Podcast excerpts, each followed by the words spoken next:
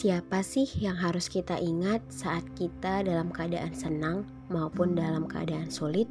Untuk selengkapnya, simak yuk hadis berikut ini. Rasulullah Shallallahu Alaihi Wasallam bersabda, Kenalilah Allah di masa lapang atau senangmu, niscaya Allah akan mengenalimu di masa engkau menghadapi kesulitan. Hadis riwayat Tirmizi, Sahihul Jami 2961.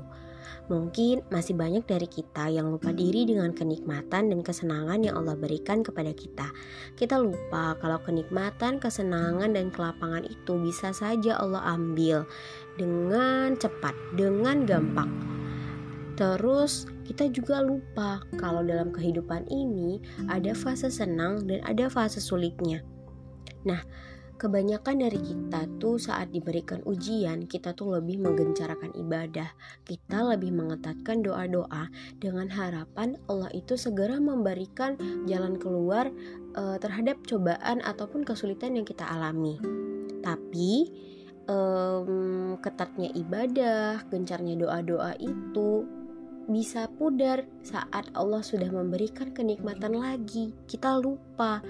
Ternyata saat kita senang ataupun sulit, kita tuh harus mengingat Allah.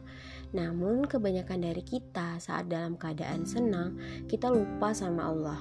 Kita lupa caranya untuk bersyukur atas apa yang diberikan oleh Allah.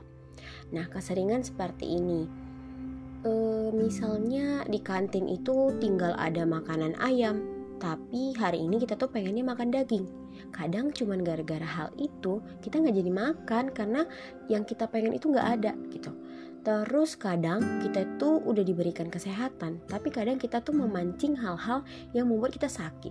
Misalnya ada orang yang sakit mah, eh malah telat makan, makannya nggak teratur.